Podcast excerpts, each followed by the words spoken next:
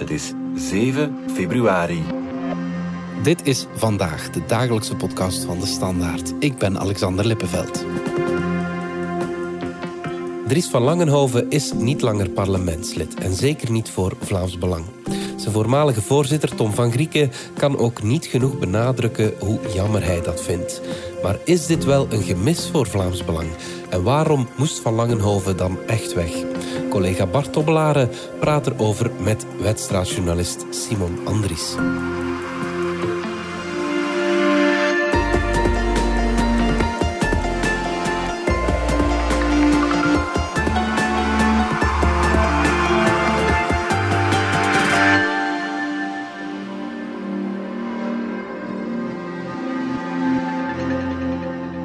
Ik heb een beslissing genomen. Ik stap uit het parlement. Maar dat betekent niet dat ik stop met politiek. Integendeel. Ik heb mij altijd al meer activist gevoeld dan politicus. Ik ben ervan overtuigd dat mijn tijd en energie op andere plaatsen meer kan betekenen voor ons volk. Ik wil dus vooral doorgaan daar waar ik het grootste verschil kan maken. En dat is met mijn activisme en mijn mediakanaal. Simon Andries, welkom. Jij werd zaterdag uit je bed gebeld, denk ik, hè? om een uh, stand naar Brussel te gaan naar een persconferentie. Ja, ja, ja, klopt. Ik dacht eh, eerlijk gezegd eerst dat ze mij belden om uh, kritiek te geven op mijn stuk in, uh, in de weekendkrant, maar het was dus wel degelijk voor, een, want, voor een plotse persconferentie. Want ja. jouw stuk ging over Dries van Langenhoven, hè? Ja, ja, ja klopt. Ik was eigenlijk één maand naar zijn Telegram-kanaal gaan kijken om te zien wat hij precies allemaal verkondigt aan zijn, zijn volgers daar. Was je dan verrast dat het niet ging over jouw artikel, maar dat het zou gaan over een ontslag? Uh, ik was toch wel verrast. Ja, uh, op zich had ik wel nog een uh, reactie verwacht, omdat wat dat daar in dat Telegram-kanaal allemaal verteld wordt toch redelijk straf is en dat ook Vlaams Belang daar denk ik niet helemaal de ogen voor kon, uh, kon sluiten. Maar ja, dat het dan zijn vertrek uit het parlement plots zou worden aangekondigd, had ik inderdaad niet, niet verwacht. Ja, en daar zijn ook wel redenen voor, omdat in december was er nog een perslunch met uh, een aantal journalisten. En toen zei Van Grieken nog duidelijk dat Van Langenhoven de, de enige woordvoerder was voor de partij uh, op asiel en migratie. Toen was alles nog koekenij. Alles was nog koekenij. En, en hij werd echt, er, werden zelfs, er waren brochuurtjes van uh, die werden meegegeven aan alle journalisten om heel duidelijk, ook met, ja, dat daar heel duidelijk op stond dat Van Langenhoven hun enige woordvoerder was op dat thema. En dan was er onlangs nog twee weken geleden, denk ik, de nieuwjaarsreceptie van Vlaams Belang, waar dat Tom van Grieken ook nog een keer heel duidelijk in zijn speech zei van kijk, Bart de Wever gaat onze personeelspolitiek niet bepalen. Wij sluiten onze rangen. En hij verwees ook expliciet naar Dries van Langenhoven van er was geen sprake van dat die zou vertrekken. Dus het is toch enigszins opvallend dat ze dan nu plots heel snel geschakeld hebben, want uh, het is ook, wil ik ook nog een keer benadrukken, het is redelijk on-Vlaams belangs om plots journalisten uit hun bed te bellen en heel snel een, eh, een, een, persconferentie te beleggen zoals dat we hen kennen, is alles vaak heel goed op voorhand geregisseerd. Zijn journalisten vaak ook op voorhand duidelijk op de hoogte van wat dat er gaat komen. En zo heel plots, ik zag dat trouwens ook op de persconferentie zelf, een, een woordvoerder was nog redelijk aan het puffen van het plotse werk dat hij moest verrichten. Dus. Je verwijst er een paar keer naar, naar jouw artikel over dat Telegram-kanaal van Dries van Langenhoven. In alle bescheidenheid denk je dat het de druppel was, een aanleiding of een toevalligheid dat het ontslag net na jouw stuk kwam? Ehm, ik denk zeker niet dat het een toevalligheid was. Ik zal ook niet beweren dat dit nu uh, de aanleiding was voor het vertrek, want het was al langer dat binnen uh, Vlaams Belang uh, dat ze toch aan het twijfelen waren van hoe moeten we omgaan met Dries van Langenhoven. Um, ze willen hem, dat, dat, beschreef ik ook wel in een van de stukken, dat dat echt wel typisch de twee gezichten zijn van Van Grieken. Aan de ene kant trekt hij Van Langenhoven wel tegen de borst. Aan de andere kant probeert hij toch ook een beetje afstand te bewaren, omdat ja, de, de complottheorieën waar dat Van Langenhoven mee, uh, mee flirt en die ook echt voedt, dat die toch wel schadelijk zijn voor de partij. Maar toch zo hals over kop op een zaterdag, ja. dan denk je dat er toch een verband is. Dat doet mij toch wel vermoeden dat ze hier wel een heel slim communicatief spel gespeeld hebben om ervoor te zorgen dat het uh, ook niet al te veel nog ging over... Uh, ja, het artikel over zijn complottheorieën van Van Langenhoven, maar eerder over hoe dat zij het in de markt hebben willen zetten als een soort van martelaar die kiest voor het activisme in plaats van het parlement. Laat ons eerlijk zijn, geen enkel parlementslid neemt zomaar uh, ontslag uit het parlement. Uh, daar zit uh, een heel serieuze verloning aan vast. dat is een heel serieus platform ook, want hij zegt dan dat hij niet gehoord wordt door de media. Maar sowieso, het is het vragenuurtje waar dat hij voor een heel groot publiek spreekt. geen enkele parlementslid zal zomaar vertrekken. Daar zit, daar zit meer achter. We hebben nu al een paar keer verwezen naar jouw artikel over zijn Telegram-account. Eerst even voor de oudere luisteraars. Wat is Telegram? En dan, wat heb je daar gevonden? Telegram is een soort ja, is een berichtendienst. Een beetje wat de meeste mensen wel kennen. WhatsApp bijvoorbeeld. Ja. En het grote voordeel aan Telegram is dat daar veel minder controle op zit. Van, uh, bijvoorbeeld Facebook zal, uh, als je iets van gevoelige informatie zet, of Twitter ook, uh, dan gaan die een veiligheidswaarschuwing geven van, ja, als je hierop klikt, weet dan dat je gevoelige informatie te zien krijgt. Telegram is dat niet. Daar kun je gewoon naar al je volgers recht rechtstreeks sturen wat je, wat je wil zeggen. En kon jij gewoon aansluiten op dat kanaal? Of ja, dat is wel uh, openbaar toegankelijk. Ik moet ook zeggen dat hij uh, op Telegram ook niet zo gigantisch veel volgers heeft. Ik denk dat dat er uh, ongeveer een 10.000 mensen zijn. In vergelijking met Facebook bijvoorbeeld is dat echt maar een heel klein, klein deeltje. Maar je merkt wel dat hij daar wel het verste durft gaan in zijn, in, ja, ja, in zijn communicatie. En dat ik ook wel vaststel dat dat wel het dichtste komt tot wat Van Langenhoven echt denkt. En uh, dus geen kantjes afgeveeld of zo. Dat is, dat is meer hoe dat hij echt zijn rechtstreekse volgers Dan zitten we op het puntje van onze stoel. Simon, wat heb je daar gelezen? Ja, toch wel, toch wel straffe dingen eigenlijk. Want het is voor alle duidelijkheid maar één maand dat ik het uh, gevolgd heb. Um, dus, dus één maand tijd zijn er uh, dingen gepasseerd. Zoals verwijzingen naar het dorpje Orania in Zuid-Afrika. Dat is eigenlijk het enige dorpje in Zuid-Afrika waar dat nog de, de geest van de apartheid nog in leven houden. Dus alleen witte Afrikaners uh, zijn er welkom. Van over zelf, die, die flirt al lang met het idee van een soort van parallele samenleving, van uh, wetenschappelijke experimenten met alleen etnische Vlamingen. Um, dus dat soort dingen stapelt daarin door.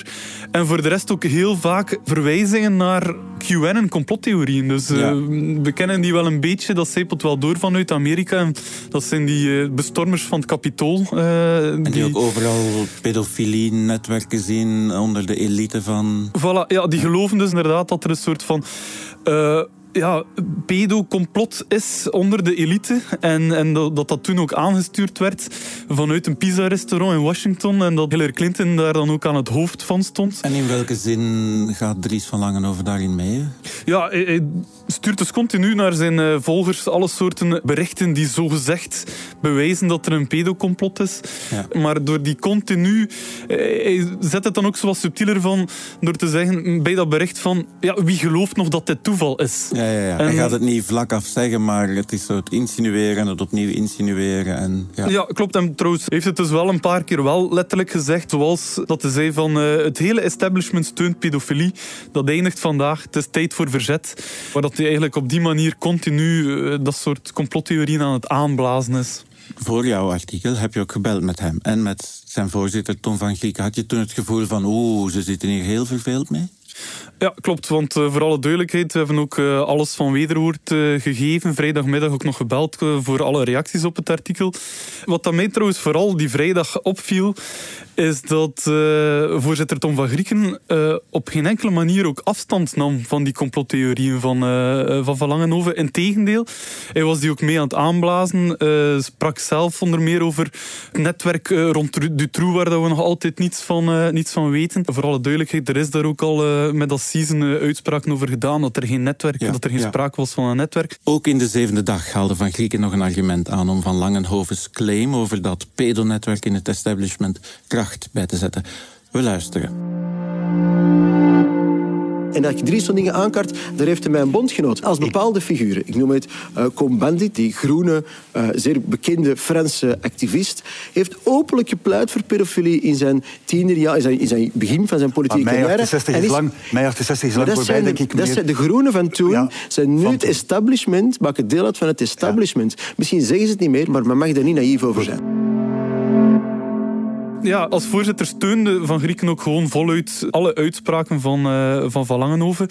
Trouwens, nadien ook, de dag nadien op de persconferentie, gaven ze zelf ook aan van uh, alle communicatie was afgesproken, ook naar ons. Op het moment dat ze bij mij aan de telefoon gingen ook, uh, beweerden ze zelf ook dat ze samen rond de tafel zaten en dat dat, dat ook op speaker stond. Dus als ze dus een reactie was... gaven op jouw artikel, was het eigenlijk unisono? Ja, Tom van Grieken was... en Dries van Langenhoven, ze wisten goed van elkaar wat ze zeiden. En eigenlijk was Absoluut, geen, ik zal niet zeggen geen vuiltje aan de lucht, maar je had niet het gevoel van ho-ho.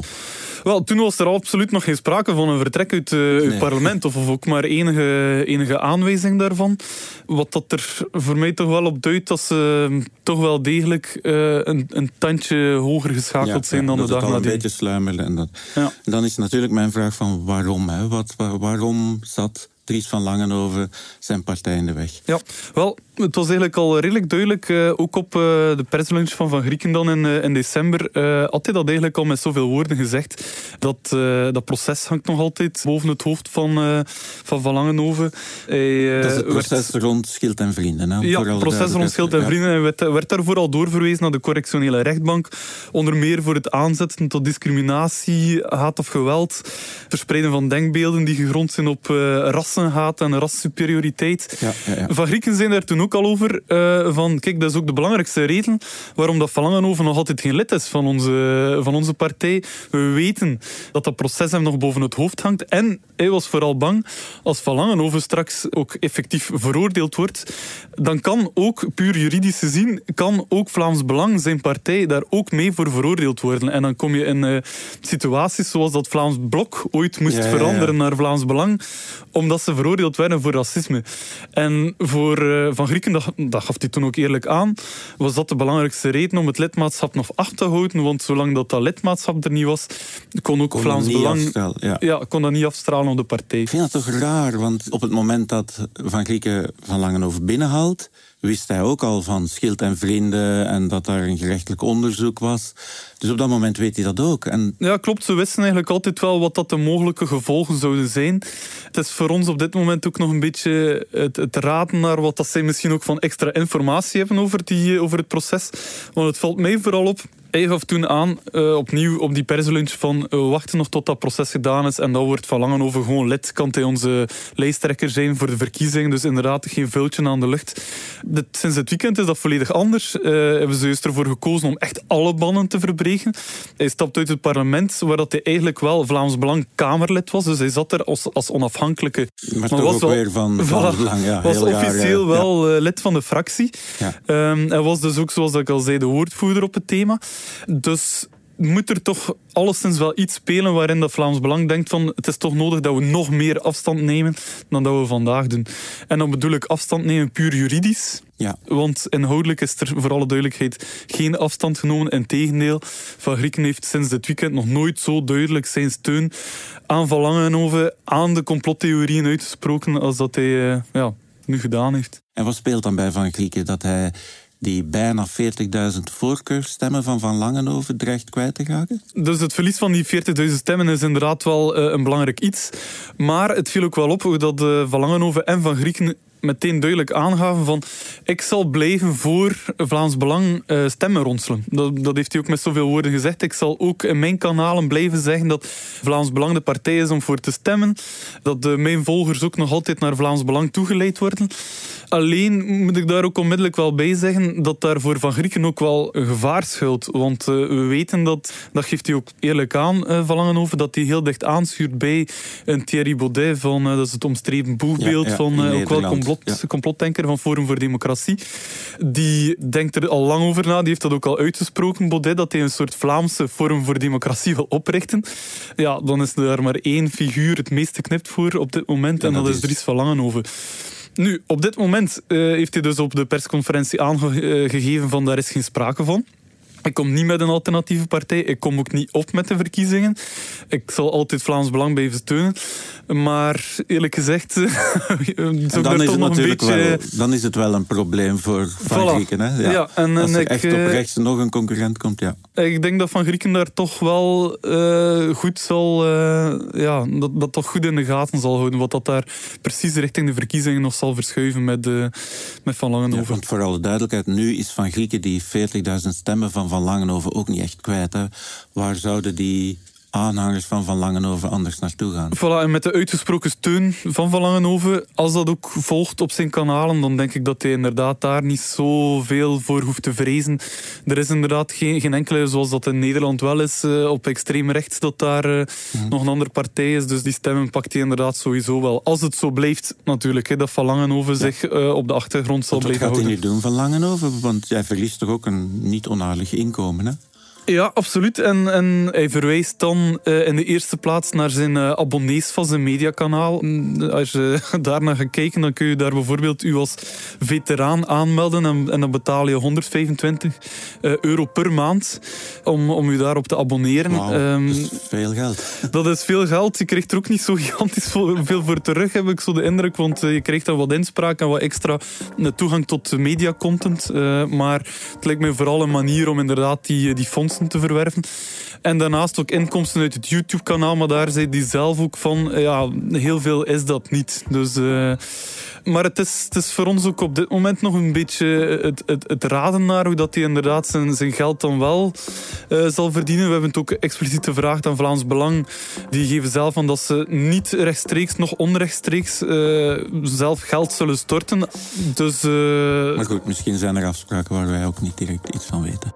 Dat durf ik wel te vermoeden. Maar daar kunnen we op dit moment inderdaad Geen, geen uitspraken over doen. Maar we moeten daar ook duidelijk over zijn. En hij verdiende heel goed zijn geld als als, als parlementslid, dat daar helemaal niets tegenover zal staan. Laat ons dat toch met een uh, korreltje zout nemen op dit moment. Ja, voilà.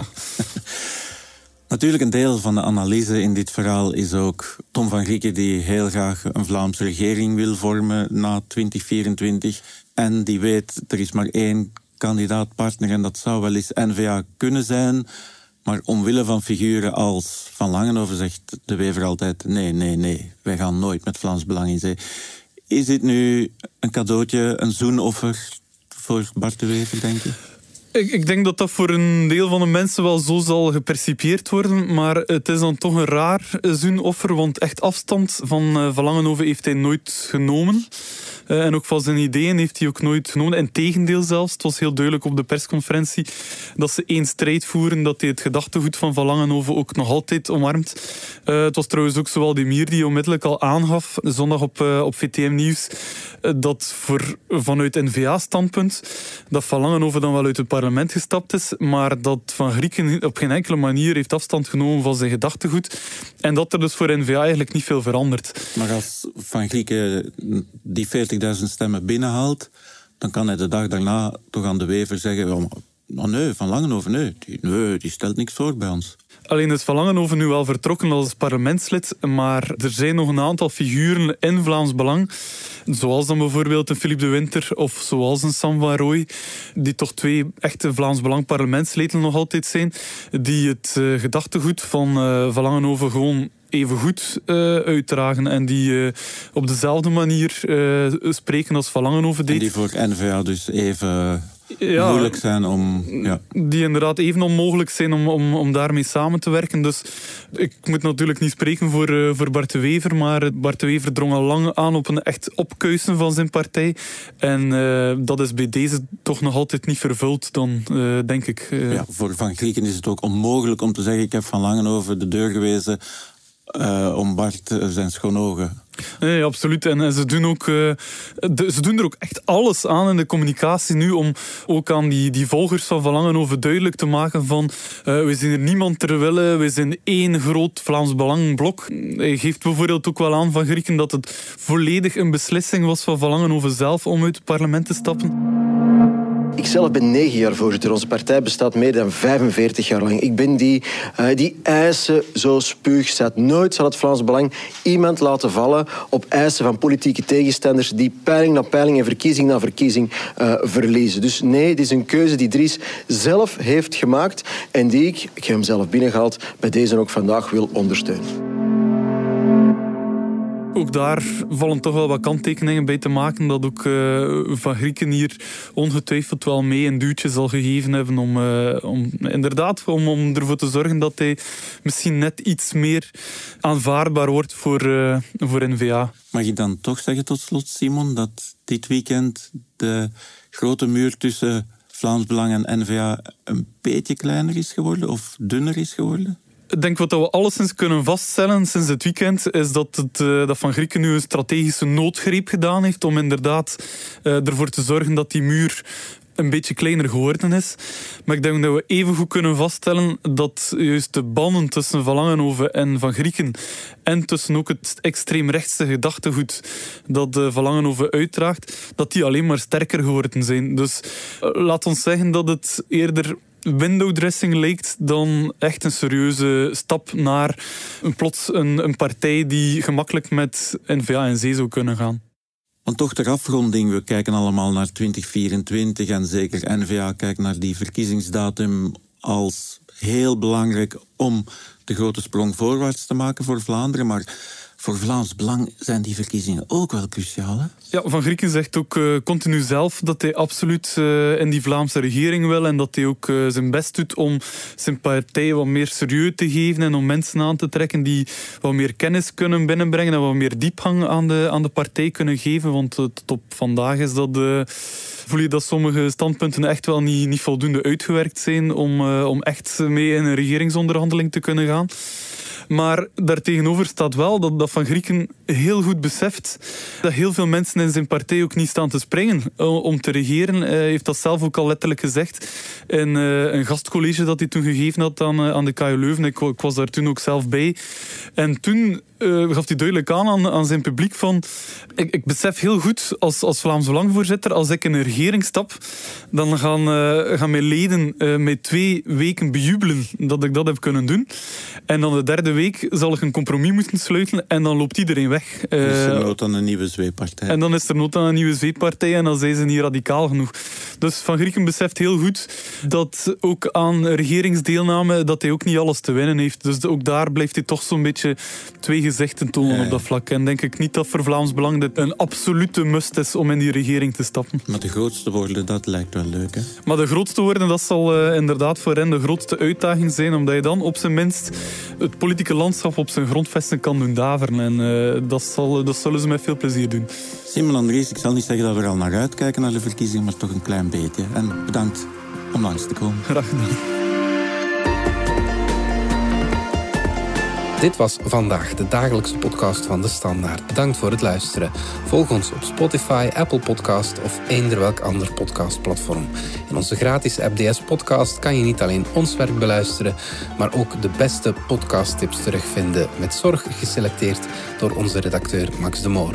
Alle credits van de podcast die je net hoorde vind je op standaard.be-podcast. Reageren kan via podcast.standaard.be. Morgen zijn we opnieuw.